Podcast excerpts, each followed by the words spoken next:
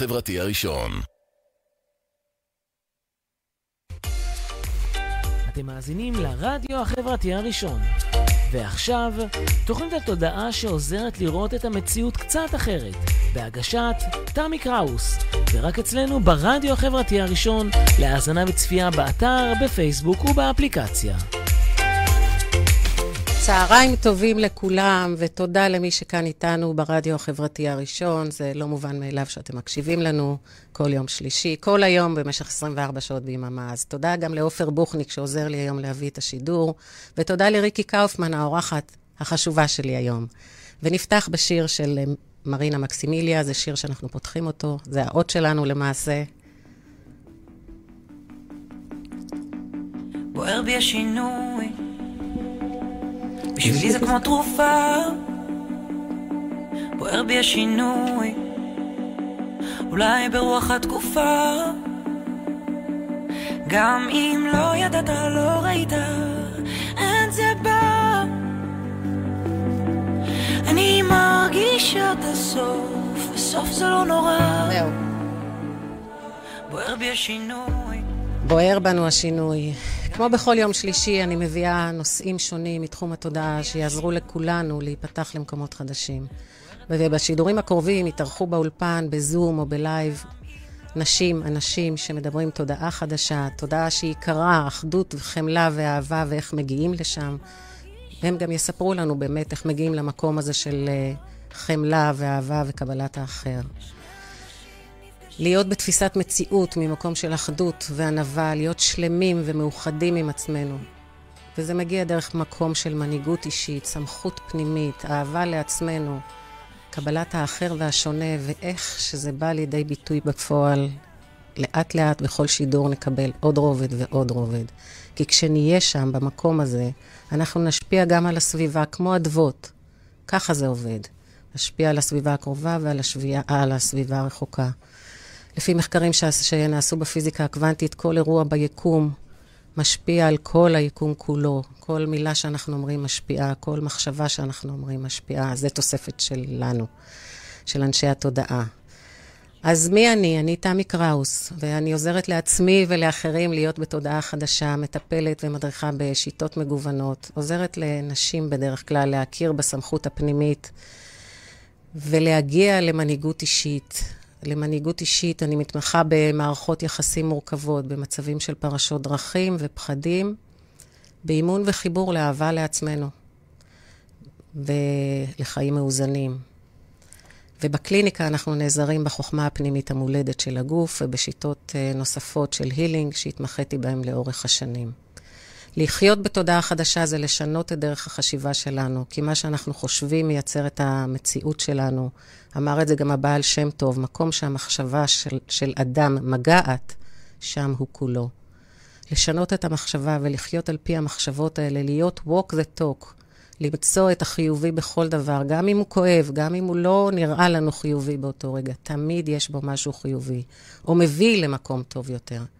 אני חוזרת על הדברים כי אני מגהצת לנו אותם בתודעה, לכם וגם לי. היום יש לנו אורחת, אה, ואיתה, עם ריקי קאופמן, אני רוצה לדבר על הסמכות הפנימית שלנו, במיוחד בתקופה הנוכחית, כשאנחנו מוצאים את עצמנו שוב בהתכנסות ומול דילמות ורעשי רקע. אני מביאה את הנושא הזה כי אני מבינה כמה חשובה לנו הסמכות הפנימית על מנת לשמור על איזון פנימי. על מנת לשמור על שלווה ולהצליח להקשיב לקול ולרצונות שלנו. את ריקי אני מכירה כבר קרוב ל-20 שנה, וצעדנו יחד, ב- ביחד בהתמחות הטיפולית שרכשנו במוח אחד. ריקי בעלת תואר ראשון בהיסטוריה ותואר שני במנהל חינוכי. היא משמשת יושב, יושב ראש של עמותת ניצולי שואה ודור המשך של עיירה בפולין. פרשה אחרי 27 שנים ממערכת החינוך ופנתה לטיפול הוליסטי. כיום היא מומחית ומובילה בתחום הדרכה ואימון וטיפול בשיטות טיפול מגוונות. היא מומחית בהנאה לפעולה, תוך שימוש באלמנטים של אימון ושחרור חסימות רגשיות עמוקות, שעובדים על התת-מודע דרך החוכמה הפנימית המולדת, שמביאות את המטופל לאבד אירועים שקרו לו בעבר ועדיין חיים בתוכו. ריקי פיתחה שיטה טיפולית משל עצמה, לה היא קוראת קסם התת-מודע, בה היא נעזרת ומלווה טיפולים פרטניים וקבוצות. ובין היתר היא עזרה לאלפי אנשים וילדים להתגבר על חרדות, לשפר מערכות יחסים וליצור הרמוניה בדינמיקה, בדינמיקה המשפחתית, כשכל אחד חי מתוך סמכות uh, פנימית. היי ריקי, צהריים טובים. צהריים ממש טובים. איזה כיף שאנחנו נפגשות, אני מתרגשת. איזה כיף. אז בואי ספרי לנו מי את, ריקי קאופמן. אני קצת תיארתי, ותספרי את, תרחיבי. כן. אה, כמו שאת אה, משמיעה את זה, זה נשמע כזה, את יודעת, בומבסטי כזה. אה, וזה, אבל וזה... אני, אני פשוט עוזרת לאנשים. אני חושבת שזה הדבר העיקרי שאני עושה. ואני עושה אותו באופן הכי טבעי. כאילו, אני לא מתאמצת. נכון, למדתי כל מיני שיטות, אבל אין פה איזה עניין של התאמצות, כי זה בטבע שלי. ובדיוק היה לי עכשיו איזשהו טלפון עם מישהי שביקשה עזרה. והבקשת עזרה שלה נזכרתי בעצם שאני מטפלת מילדות. וואו. ולא לא רק מתקופת ההוראה, ממש מילדות. והטיפול הראשון שלי, אני חושבת, זה היה באימא שלי. אימא okay. שלי אוקיי. הייתה חולה במה שקראו אז מניה דיפרסיה, והיום קוראים לזה דו-קוטביות, ובקוליטיס. ובעצם שנים אני אה, למדתי במקום הרופאים לאזן אותה. וואו. ואף פעם לא חשבתי שזה משהו מיוחד. איזה זכות, ריקי. כן. אז זה, זה בעצם הדבר הראשון שעשיתי. אחרי זה הלכתי ללמוד להיות אה, מורה, מורה להיסטוריה, הייתי צריכה מקצוע, כן?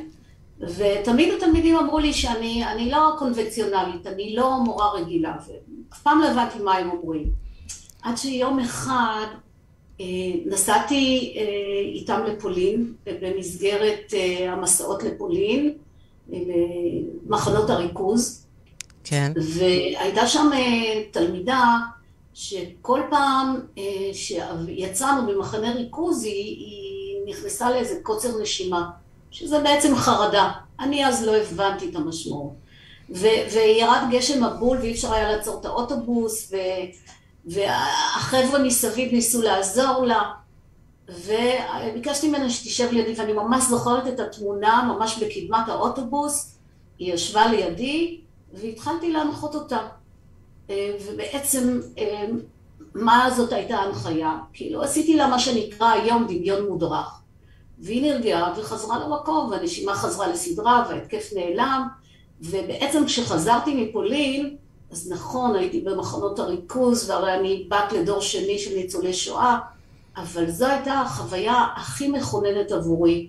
ואני חושבת שמשם התחילה התובנה שבעצם זה יכול להיות המשהו שאני אה, רוצה לעשות בחיים שלי. ואז התחיל להתבשל בתוכך העניין של פרישה ממערכת החינוך?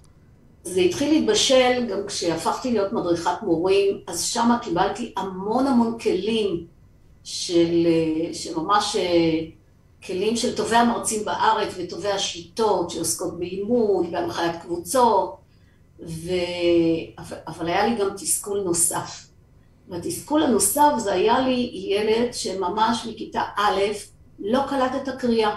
התחלתי לחקור ולקחנו לכל מיני טיפולים. עד שהגעתי לשיטת מוח אחד, שבעצם אמרה לי, תקשיבי, דיסלקציה זה חסימה. הבנתי. זה חסימה במוח. כן. ואז אפשר בעצם לעקוף את החסימה הזאת. ועדיין במחקר של המוח בכלל לא דיברו על המוח הגמיש והמוח הפלסטי. לקח זמן עד שהגיעו לזה. ואז אה, ממש הלכתי ללמוד את זה. נהדר. ולקחתי את זה לאט לאט. ואז כשהתחלת, לפני 20 שנה בערך זה היה? כן. היה כל התקופה הזו, את כל, ה, כל התקופה היא הייתה לגמרי שונה ממה שהיא היום, וממש לא היה פשוט לחדור לכל התחום הזה של הטיפול ההוליסטי או משהו כזה, כי זה היה ממש שונה. למשל, פעם, לא ממש רחוק בטח בזמן, האמינו ברפואה קונבנציונלית, ורק בטיפולים קונבנציונליים ובהסמכות כאלה וכאלה, וטיפולים רגשיים אצל פסיכולוגים בלבד, או פסיכיאטרים. וכל הנושא הזה של גוף נפש היה תקופה, תקופה ארוכה זר לגמרי. שלא נדבר על הילינג ואנרגיות שאת uh, גם נעזרת בהן. וזה היה ממש מילים גסות. וכשאנחנו מסתכלים על העולם היום, אז אנחנו במקום אחר, כאילו, זה עולם חדש גם כן. אנחנו מדברות תודעה חדשה, אבל זה עולם חדש, שנבנה במשך ה-20 שנה האחרונות. ואיך את מוצאת את זה היום בטיפול, כשאת היום מטפלת נטו? כאילו, זאת אומרת, מטפלת, מנחת מעגלים. את מוצאת שיותר קל לחדור, להיכנס לשוק העבודה, או ש, כאילו לשוק הטיפולים, או איך זה עובד היום? בוא, אני רק, רק אגיד לך קודם, אני רוצה לחזק את הדברים שלך על המשמעות של ההתחלה, שלא הייתה פשוטה.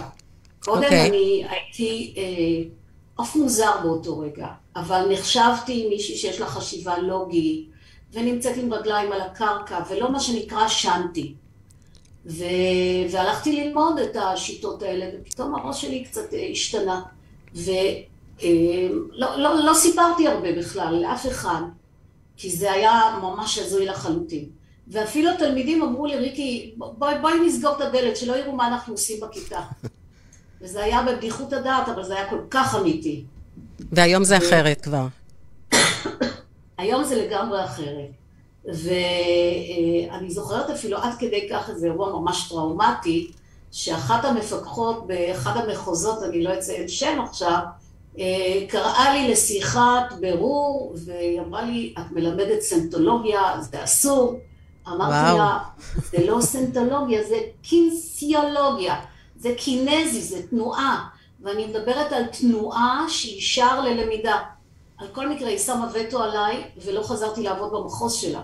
מה את אומרת? אה, אה, אז או, או שאחת המנהלות שהעברתי שם סדנה לתלמידים, כל יום ראשון בבוקר בנו חדר שקט והם נכנסו, הם בנו לעצמם מטרות, עשיתי שם הילינג ודמיון מודרך ועשיתי מחקר על זה והתלמידים הגיבו בטוב, אבל היא אמרה לי אני לא מתחברת לזה ולא נתנה לזה תקציב. בקיצור, המון המון לא קיבלתי לאורך כל הדרך, למרות שביקשתי ואמרתי להם, תנו לי רק משהו קטן, אני אעשה. אז מה שעשיתי זה בממלכה הפרטית שלי, גם בבית וגם בתוך הכיתות שלימדתי.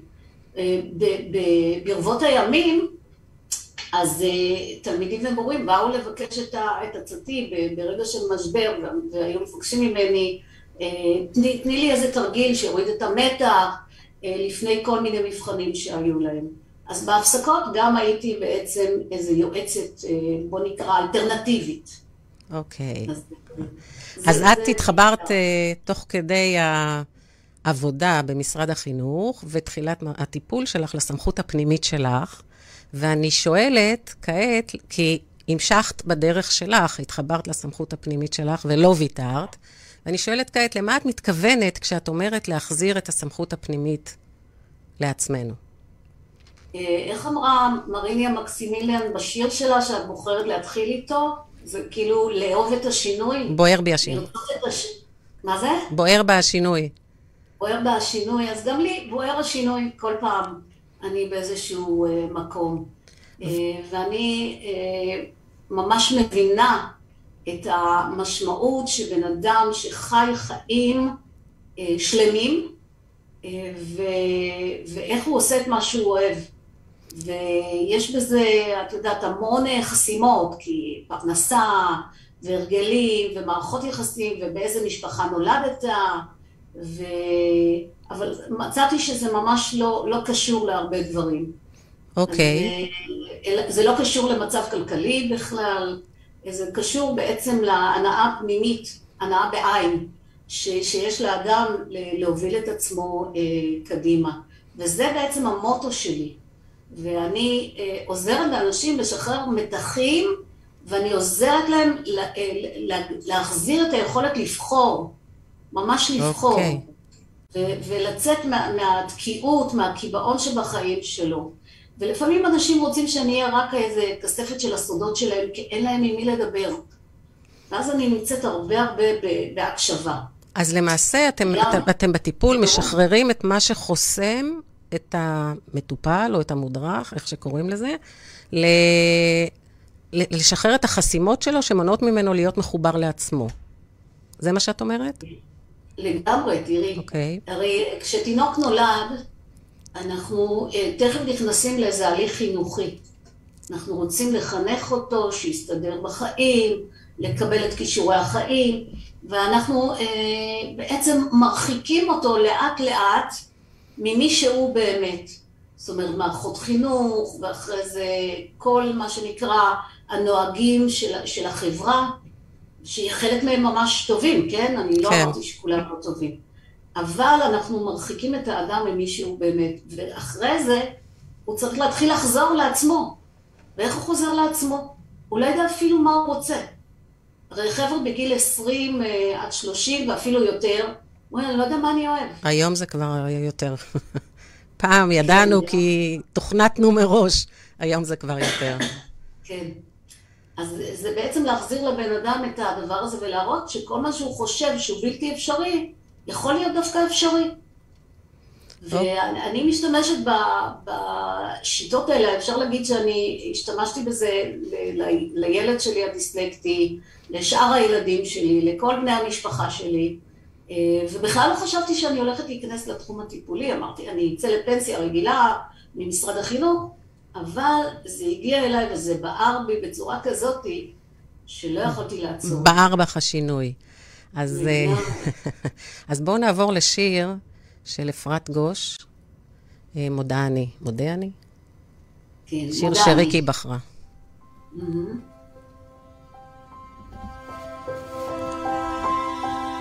מודה אני לפניך ולך על כל החסד והאמת והטובה והרע והטובה שעשית עימדי ועם ביתי ועם קרוביי וידידיי ועם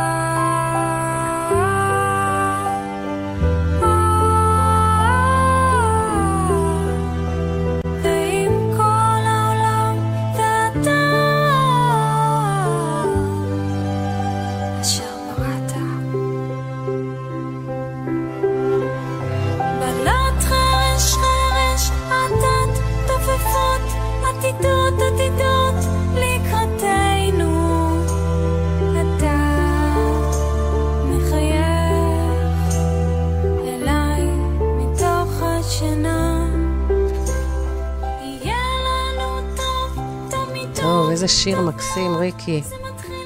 איזה שיר מקסים בחרת לנו. אז, א', אפרת גוש שרה מדהים, אם היא תשמע את זה, זה כדאי שהיא תיקח את המחמאה הזו. ודבר שני, הנושא של הודיה, הוא כל כך אה, נמצא אצלי אה, חזק. אני מאוד מאוד חושבת שזה מאוד מאוד חשוב ליום יום שלנו ובכלל החיים. כן, יש ו- אנשים שכל בוקר כותבים הודיות, נכון? את ממליצה לאנשים. אני, אני בבוקר בים. מודה, מודה. במים. כן, ואני טובלת במים שוחה. אה, ואני שמה מודה על הרבה דברים, אפילו על קרן השמש שממש באה מצד מזרח ופוגעת במים, זה פשוט תענוג לראות את זה יחד עם הדגים. איזה זה כיף. או אבל- ככה את שומרת על הסמכות הפנימית של עצמך גם. דרך, ה. דרך הדברים האלה, דרך הפעילויות האלה. כן. ואני מחוברת מאוד מאוד למוזיקה, כי המוזיקה זה הצד הימני של המוח. והמוזיקה בעצם כל הזמן מחזירה אותנו במידה רבה למי שאנחנו באמת, למהות שלנו. ואחד הדברים שאני ממליצה לאנשים זה אה, לשיר, ואם הם לא שרים טוב, שינגנו לעצמם במוח, או יפתחו יוטיוב וישמעו את השירים, כדי אה, להרים את עצמם לאיזה מקום, לשנות את התדר, כן? כן. תדר, שדרך הצד הימני של המוח אפשר לעשות יותר שינויים מאשר מהצד השמאלי של המוח הלוגי. ובאמת יש שירים שמורידים אותנו, ויש שירים שגורמים לנו ממש כן. להתעלות מעל עצמנו. ואני רוצה גם להגיד עוד משהו. בטח. אה, אם אנחנו מדברים על אה, הודיה, אז אה, מכיוון שאני, כן, אני יושבת ראש עמותה של ניצולי שואה של עיירה בשם ז'קי, שהיום היא בבלארוס. והנושא של השואה הוא היה משהו שחקרתי אותו בתואר הראשון שלי, וכתבתי עליו, והתעניינתי בו, ובעצם הבנתי אחרי שנים שאני חיה כאילו מתוך הקבר. זה נשמע אולי לא טוב, אבל כאילו אני רואה את הקבר, אני מבינה את הסוף של החיים בעולם הזה, ואני בעצם אומרת, אני כאילו יוצאת מהקבר, ואני מעריכה כל יום. וואו. זה גם נותן המון כוח לחיות. כאילו, מאוד. תעצומות נפש, ולעמוד בכל מיני תלאות לגמרי. וכל מיני אירועים, לגמרי. וכל מיני מצבים בחיים. כן, לגמרי. אז זהו, אז הזיכרון של הקבר הוא מאוד מאוד נמצא, אה, ככה טבוע בי מאוד מאוד חזק. מדהים. אני מכירה אנשים שאם הם היו נזכרים בזה כל יום, זה היה מוריד אותם, אגב. אמ, אוקיי, אז אני פתחתי בשיחה שלנו, כשפתחתי, אז דיברתי על קסם התת-מודע, שאת פיתחת שיטה שנקראת קסם התת-מודע, אז ספרי לנו עליה, וכשנכיר אותך יותר גם מהכיוון הזה. קודם כל אני רוצה להגיד שאני הרי כל הזמן לומדת. למידה זה דבר חשוב. ולקחתי איזה קורס שעוסק אה, בקלפים אצל מישהי מדהימה שקוראים לה טלי מאמה. ובעצם שמה הבנתי כל הזמן שאני צריכה כבר לצאת לדרך חדשה. והרבה פעמים אני, אה, כשאני לא מוצאת איזשהו פתרון למשהו, ואני לא הולכת, אה, מה שנקרא, לחברה, לקולגה, לשיטת מוח אחד, אני עוזבת את הנושא במודע, ואני הולכת, בעצם נותנת לתת מודע לעבוד על זה. וזה מה שקרה עם אה, קסם התת מודע. זה היה ממש ניצוץ של רגע, שאחרי זה, שהמוח שלי עבד על זה שנים. וזה קפץ, זאת אומרת, זה התבשל. ובעצם מה שהבנתי שאנחנו בעצם כמו בצל. אנחנו רק יכולים להסתכל על הטבע ולהגיד, אנחנו ממש כמו איזה בצל, שהבצל יש לו שכבה אחרי שכבה. אם נסתכל על גוף האדם, איזה שכבות יש לנו שם? מלא. קליפות. אז בעצם, בלי סוף. אז אנחנו בעצם רוצים עכשיו להתחיל לקלף את השכבות האלה, ולהתחיל לתת כלים לקילוף. ומכל השיטות האלה- האלה, ומכל השיטות האלה שאת, אה, שלמדת ואת יודעת, איך את כן. יודעת לדייק מה נכון לכל אחד ואחד? כי הטיפול הוא אינדיבידואלי, ואת יודעת לדייק או. לכל מטופל. אני, אני יודעת כי אני, כי את טיפלת גם בי וטיפלת באנשים יקרים לי ואת מטפלת מעולה. אז... תודה, אה, תמי, תודה. לא, מה ששלך, שלך, כמו שאומרים אצלנו. יש לנו קשר ארוך שנים, אה? כן, אה, תראי, בשיטת מוח אחד, שאני מאוד מברכת את השיטה הזאת, למדנו יחד כלי מדהים, שהוא נקרא בדיקת שריר. זאת אומרת, בעצם, בעצם בבדיקה, במגע קל בשרירי הידיים, הגוף יענה לנו כן ולא. ואנחנו יכולים ככה לאתר את, את מקור הבעיה שאיתה אה, מגיע הנבדק. והבדיקת שריר כל הזמן מפתיעה אותי מחדש. היא כל כך מדויקת, והיא, אה, אה, והיא מעבירה, מעבירה אותנו ישר לתת מודע, היא עוקפת את הכל. היא למעשה היא מחברת מגיעה- בינך לבין התת-מודע של המטופל. כן, היא מגיעה ישר לאמת. מה שראיתי שבמשך השנים, אני הרבה פעמים כבר יודעת את התשובה לפני שבדקתי את השריר. וזה בעצם הניסיון של, של הרבה שנים. אבל אני עדיין בודקת.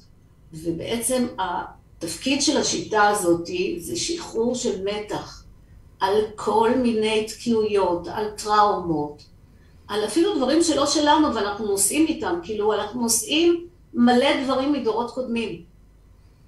וזה מדהים לראות ואת, איך. ואת משחררת גם את הדורות הקודמים. גם את הדורות הקודמים. כן. אומרת, הרבה הרבה מידע עצור בתוך הגוף שלנו, בתוך הנפש שלנו. בתוך ה-DNA שלנו צבור גם המידע כן. של, הס... של הדורות הקודמים שלנו. הדורות הקודמים, ותמי, את מדברת על זה בש... בשידורים שלך, וזה כל כך מצא חן בעיניי, איך שאת אה, אה, נותנת, נותנת לזה ביטוי. אז אה, אנשים לא מבינים הרבה פעמים מה קורה להם, ולמה זה קורה להם. זה הרבה פעמים בכלל לא קשור אליהם, אלא משהו שהם נושאים ממש בדורות. אז ב, עם הקינסולוגיה את למעשה מתחברת לחוכמה הפנימית המולדת של המטופל. כן, ממש, זה חיבור מדהים, שזה אה, זה, זה דבר נפלא, שממש מקצר תהליכים, אה, שבן אדם יכול לדבר על עצמו מלא מלא זמן, ולא להגיע למהות של הדברים. ובטיפול אחד או שניים, כן, יש, יש הרבה פעמים זה תהליך טיפולי, כן? אפשר להגיע ממש לנקודות ש, שמטרידות את הבן אדם, והוא לא תמיד יגיד את זה במודע. אולי הוא לא ידע? אולי הוא לא ידע שהן מטרידות אולי אותו? אולי הוא לא ידע בכלל. גם אה, כש, כשמגיעים אליי אה, לפעמים אה, בני נוער, הם ממש לא רוצים לדבר. הם אה, גם סקפטיים, כן, והם לא רוצים לדבר. ואני אומרת להם, אוקיי, לא צריך לדבר, בואו אני אבדוק לכם את השריר, אני אגיד לכם מה הגוף שלכם אומר. וזה, ו, ו, ויוצאים שם דברים אה, מדהימים. אני פשוט נזכרת עכשיו באיזה מקרה של איזה ילדה, נערה, שהגיעה אליי בכיתה י' עם טיקים בעיניים ועם קושי במתמטיקה. בכלל לא שום דבר רגשי, והיכולת הוורבלית שלה הייתה מאוד מאוד דלה ונמוכה. וזה היה ממש מין משהו שקרוב לאיזה קצת אוטיזם כזה, אני לא יכולה אה, להגדיר את זה אה, ממש בהגדרה האקדמית. על הרצף, משהו על הרצף. כן, היא הייתה שם על הרצף, ועשינו תהליך, כי כל תשובה שלה הייתה, אליי, אני לא יודעת, אני לא יודעת, אני לא יודעת. והבנתי ששם אני צריכה רק לעבוד דרך בדיקת שריר, דרך התת מודע, להביא לה את המידע, ואז עשינו תהליך, ובסוף, זה, זה הייתה באה אחת לחודש, משהו כזה, ולקראת אה, סוף י"ב, פתאום נעשתה פתיחה שהיינו בשוק. גם האימא וגם אני היינו עמומות מהתהליך שהיא עברה, רק על ידי בדיקת שריר. והגיעה אליי גם פעם אחת אה, שהייתה בצבא לפתור איזו בעיה עם, עם אה, מישהי שהיא אחראית עליה, ופתאום זה היה מין, כמו, כמו, ראיתי כמו נס שמתרחש מול העיניים שלי. אם יש איזשהו אירוע מהעבר של, נגיד, של בחורה או של גבר, גם יכול להיות, שהם לא מסוגלים להתמודד איתו, איך, את, אה, איך, את, איך זה קורה בלי להציף, בלי להציף אותו ובלי אותו או אותה, את המטופל? ובלי לגרום לו למעשה ש... למשהו שהוא לא, לא לשם זה הוא יתכנס. כן. הוא הגיע אלייך. כן, בדיקת שריר זה דבר נורא עדין. מאוד מאוד עדין. זאת אומרת, הגוף לא ייתן לטפל במשהו שהבן אדם לא יכול לטפל בו.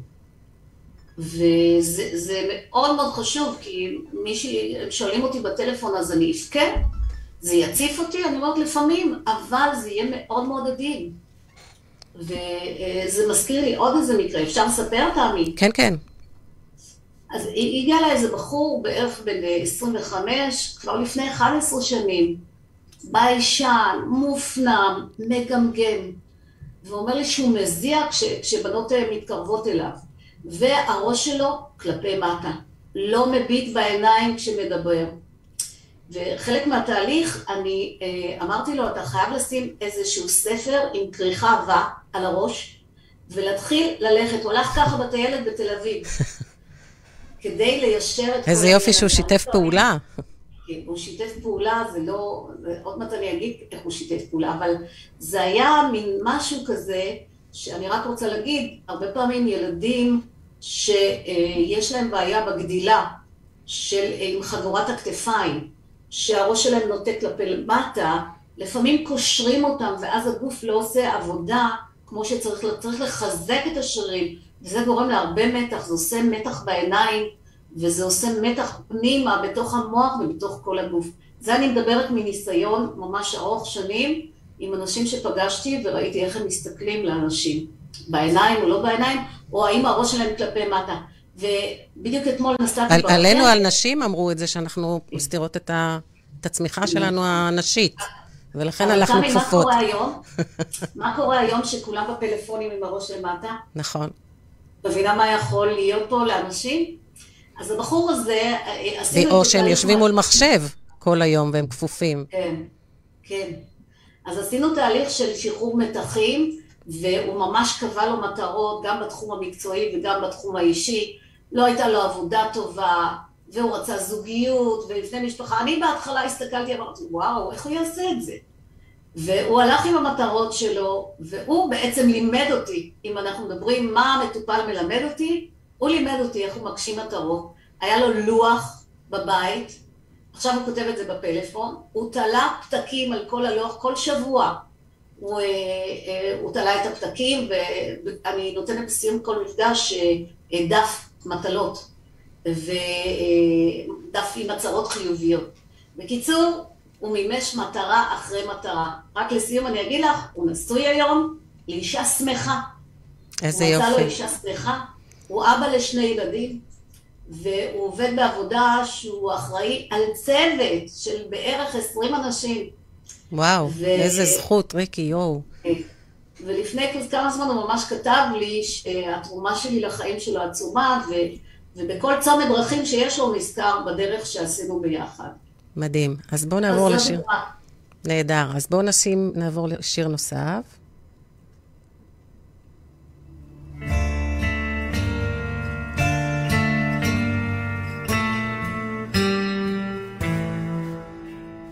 גם אם יסגרו את העולם, יוכלו לסגור לי את הכל. מילים, מילים, מילים רצות עליי, ברוך שעשני, חייבת להיות יוצרת.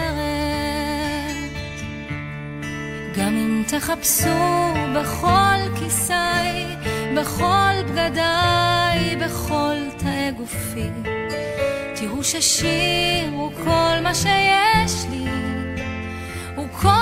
שאשיר אחריי. ואם יפרקו את הבמות, אקח כיסא קטן ואעמוד, שורות שורות רוקדות עליי, וזה מה שאשיר אחריי. נפשי שירה ופי פסוקי חליל, רק זאת ידעתי. רק זאת מהפכת בבטני, ברוך שעשני, חייבת להיות יוצרת. וגם אם תחפשו בכל כיסי, בכל בגדיי, בכל תאי גופי, תראו ששיר הוא כל מה שיש בי, הוא כל מה שאשיר אחריי, ואם יפרקו את הבמות, אקח כיסא קטן ואמון, שורות שורות רוקדות עליי, וזה מה שאשיר אחריי.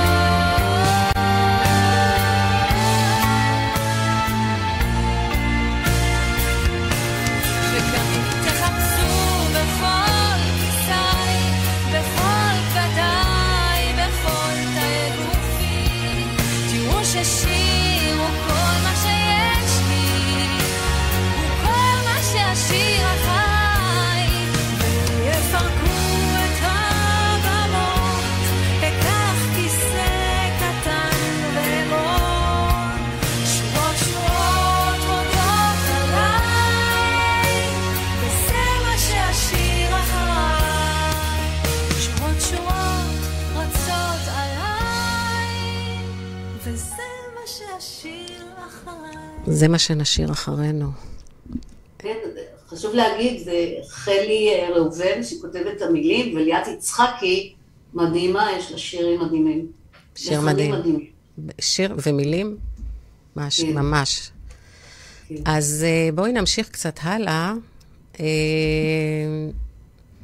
עוד שלושה חודשים אנחנו נכנסים לתקופה של חגים. חגים צפופים, שמתחילים, ממ- לא, לא, עוד, של- לא עוד שלושה חודשים, עוד שלושה שבועות. לא, למה אמרתי? כן. מה? כן, מה אמרתי שלושה חודשים? נכנסים לתקופה של החגים של הצפופים שלנו. יש לך איזה שהן המלצות למפגשים משפחתיים? כי אני יודעת שאת גם עוסקת ב... במערכות יחסים במש... בתוך המשפחה. אז יש לך איזה שהן המלצות למפגשים משפחתיים? משהו להתכונן לפנה, לפני המפגש, או משהו תוך כדי המפגש, ערכת קלפים לתוך כדי המפגש, אני צוחקת. משהו, איזה קסם למשפחות, לאימהות שטורחות כל כך... ו... שיהיה כיף, שתהיה אווירה נ- טובה. או שאם נוסעים לאנשהו ביחד, המשפחות נוסעות לפעמים ליחד, ביחד, משהו לדרך, צידה לדרך, תיק לדרך, תיק עצות לדרך. כן, בוא נגיד שהשידור לא יספיק לתיק הגדול שיש גם לך וגם לי. אה, אבל אה, כיוון שלמדתי קצת אה, קלפים הש- השנה, וקניתי את קלפי הערכ- הערכים של אבישי לנדאו, ובעצם הייתה לנו חופשה משפחתית, ומחופשות משפחתיות בפעמים הקודמות ראיתי שיש איזה קרייססים ככה, זה לא מוצא חן בעיניו את זה, והוא לא ככה כועס על זה, אז אמרתי, יאללה, בוא נעשה תהליך. וממש עבדתי אה, עם כל אחד מבני המשפחה, וביקשתי שיבחרו אה, ערכים שהם רוצים שיהיו לנו בחופשה המשפחתית. מה זה נקרא ו- ערכים? ערכים... תני כמה ערכים לדוגמה, שאנש- תכניסי את האנשים ל... אה, לחשיבה שמחה, הזו. כיף, שיתוף פעולה, אה, כבוד, אה, פרטיות. אלה ממש ערכים. אוקיי. אמ, אז אני יכולה להגיד שלפחות במשפחה שלי, אה, הערכים שהם בחרו שם היו ערכים שמכיוון שאנחנו רוצים שיהיה לנו כיף, וכיף לכל אחד בנפרד, אבל כיף עם שיתוף פעולה. אז דיברנו הרבה מה המשמעות שיתוף פעולה עבור כל אחד. ואחרי שכל אחד בחר את הערכים שלו, בחרנו חמישה ערכים משותפים. שבחמישה באמת היה אה, רוגע, שלווה, אה, שיתוף פעולה, אה, ובעצם את כל ההחלטות קיבלנו ביחד. אז הייתה לכם פגישת הכנה לטיול, או שעשיתם את זה כן. בוואטסאפ? עשינו כל פעם שמישהו, הילדים שלי כבר גדולים לא ולומדים. עכשיו, אז כל פעם שהגיעו הביתה, מי שהגיע הביתה, אמרתי להם בואו נראה איך אנחנו עושים את זה, ואז עשינו בוואטסאפ החלטה משותפת לכל הערכים. נהדר. אה, ומה שקרה לנו באמצע הדרך, אה, קרה שגנבו לנו איזה חלק מהרכב, ובעצם לא יכולנו לצאת לטיולים שתכננו. ואז אה, הם כולם אמרו, לא, כתבנו שיתוף פעולה, אז כולנו ממשיכים ביחד, ואנחנו נלך לבריכה במקום שבו בחרנו את הנופש, ולא נצא, וזה יהיה בסדר גמור. ואז המתח, כל המתח של הגניבה ירד, והמשכנו לתפקד כמו שצריך, והייתי בשוק מהסיפור הזה, של איך אה, כולם משתפים פעולה. כי שינוי כשלעצמו בעיה. יכול לגרום מתח.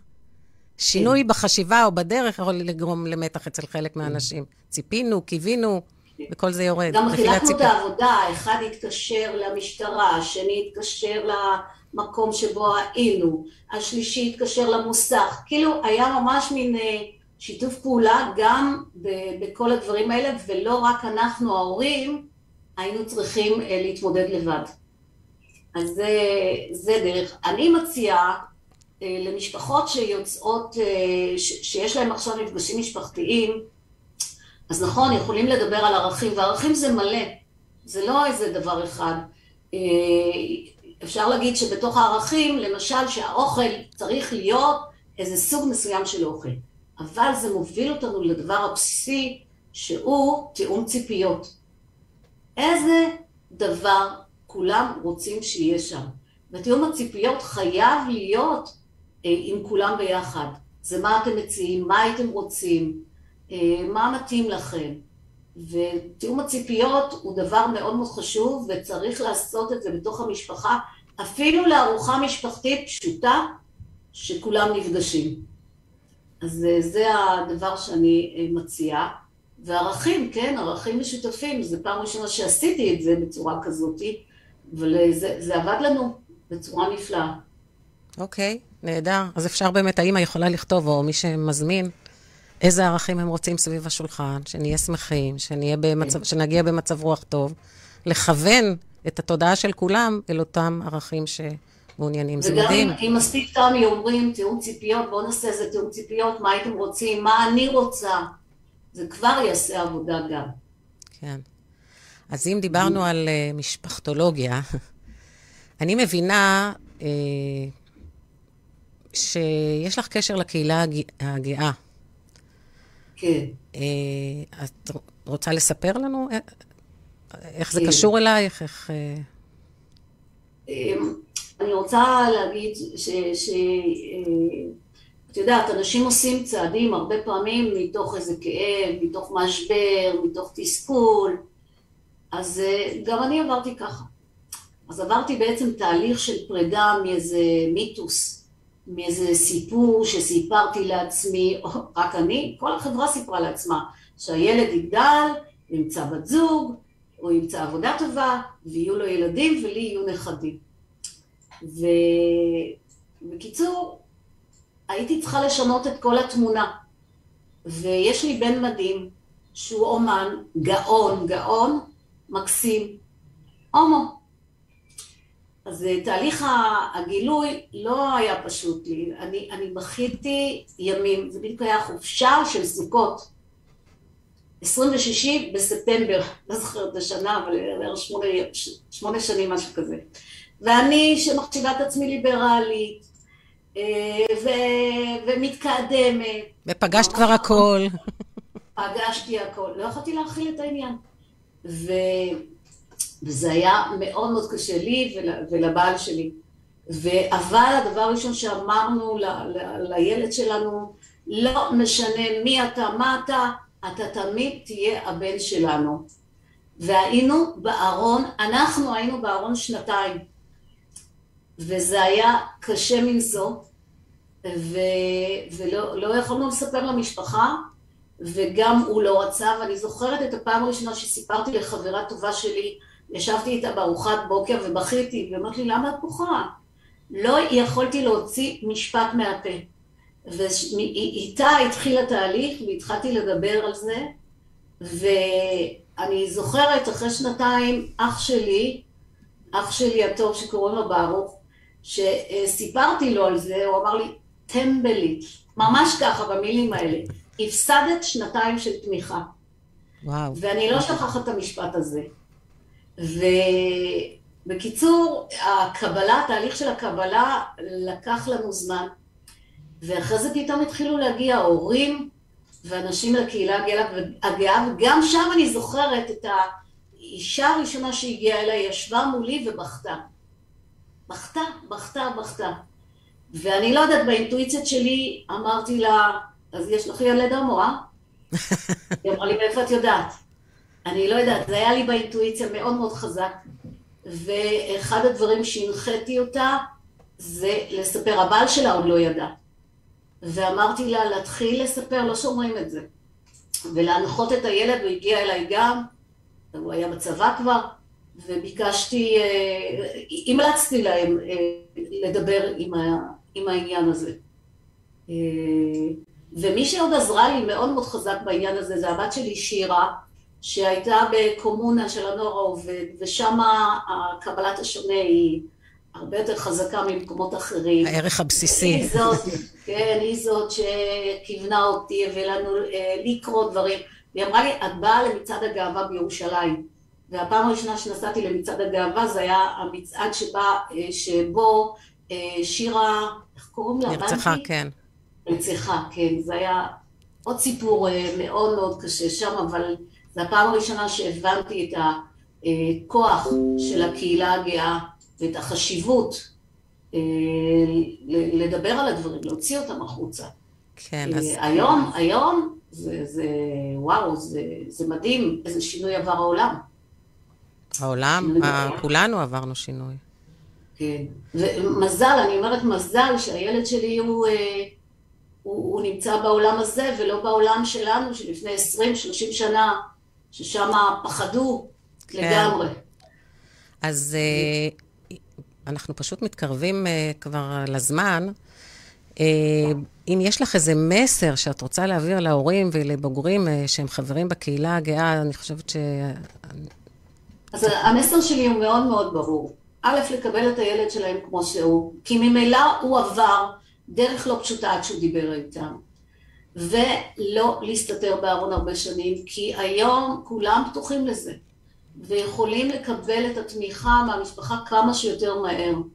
זה המסר שלי הכי אה, גדול. ואם יש ילד שצריך עזרה, אז להגיד לו בוא ניתן לך תמיכה, תלך לטיפול, תלך לאיזושהי קבלת תמיכה בנושא הזה. וגם יש מרכז של הקהילה הגאה, אבל לא כולם מתחברים לזה.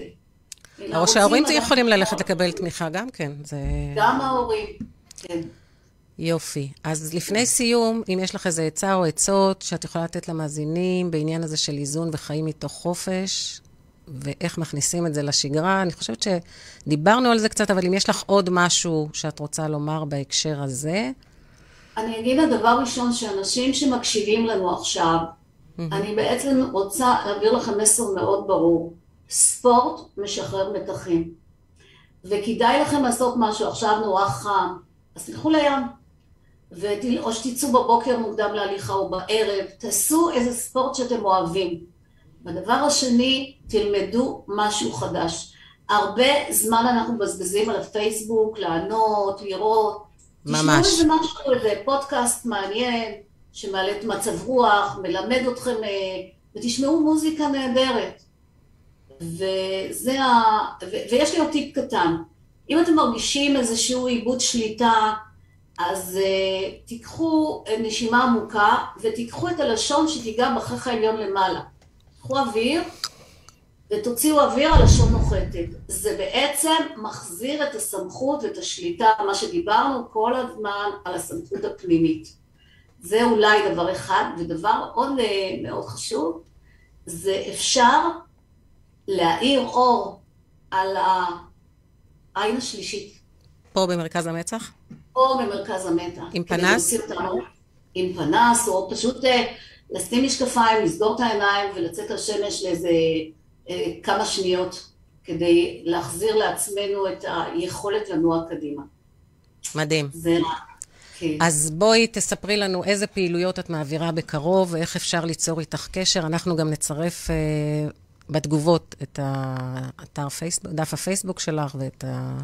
כן, אז אני, אני מקבלת אנשים בקליניקה בבנימינה, חמש דקות מהרכבת, אני לוקחת אנשים ומחזירה לרכבת. ואת... מגיעים אליי מרחובות, אפילו מבאר שבע. ואת נפגשת גם בזום. ואני נפגשת גם בזום, וגם מהקריות וצפונה.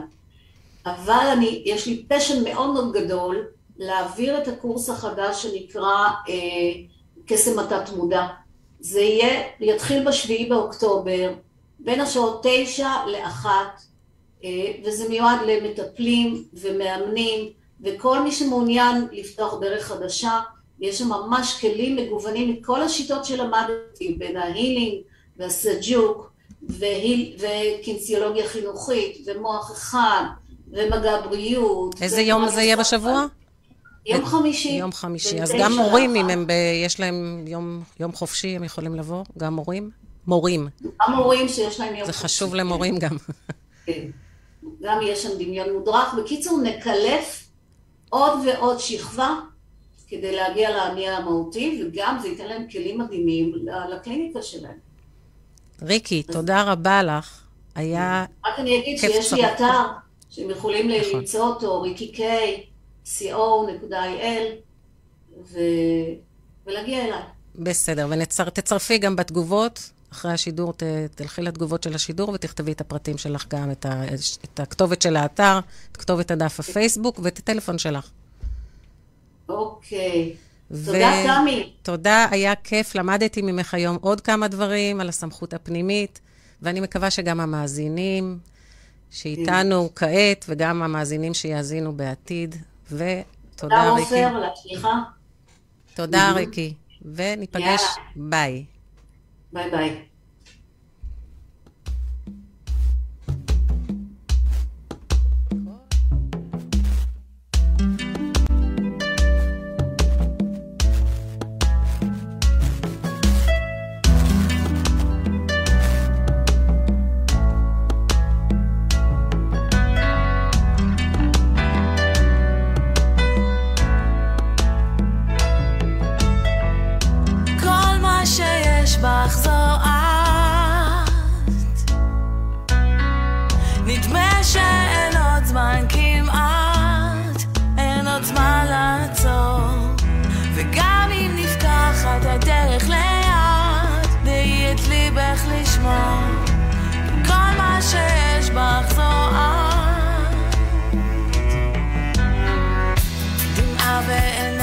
רכה ותמה תגידי מה קורה לך ילדה? יום ועוד יום ועוד רגע רואה. הנה שוב בכל זאת אישה. שוב נשאלת שאלה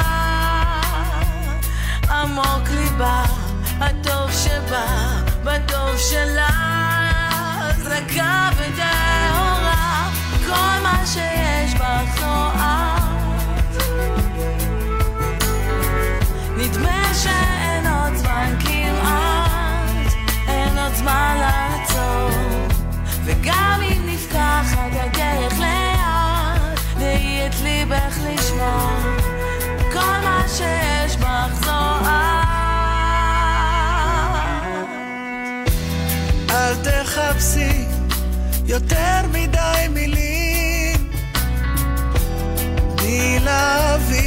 לאוויר לעבור אותך. אל תנסי לספר או להסביר, תעשי צעד ועוד צעד ועוד צעד ועוד. כל מה שיש בך זו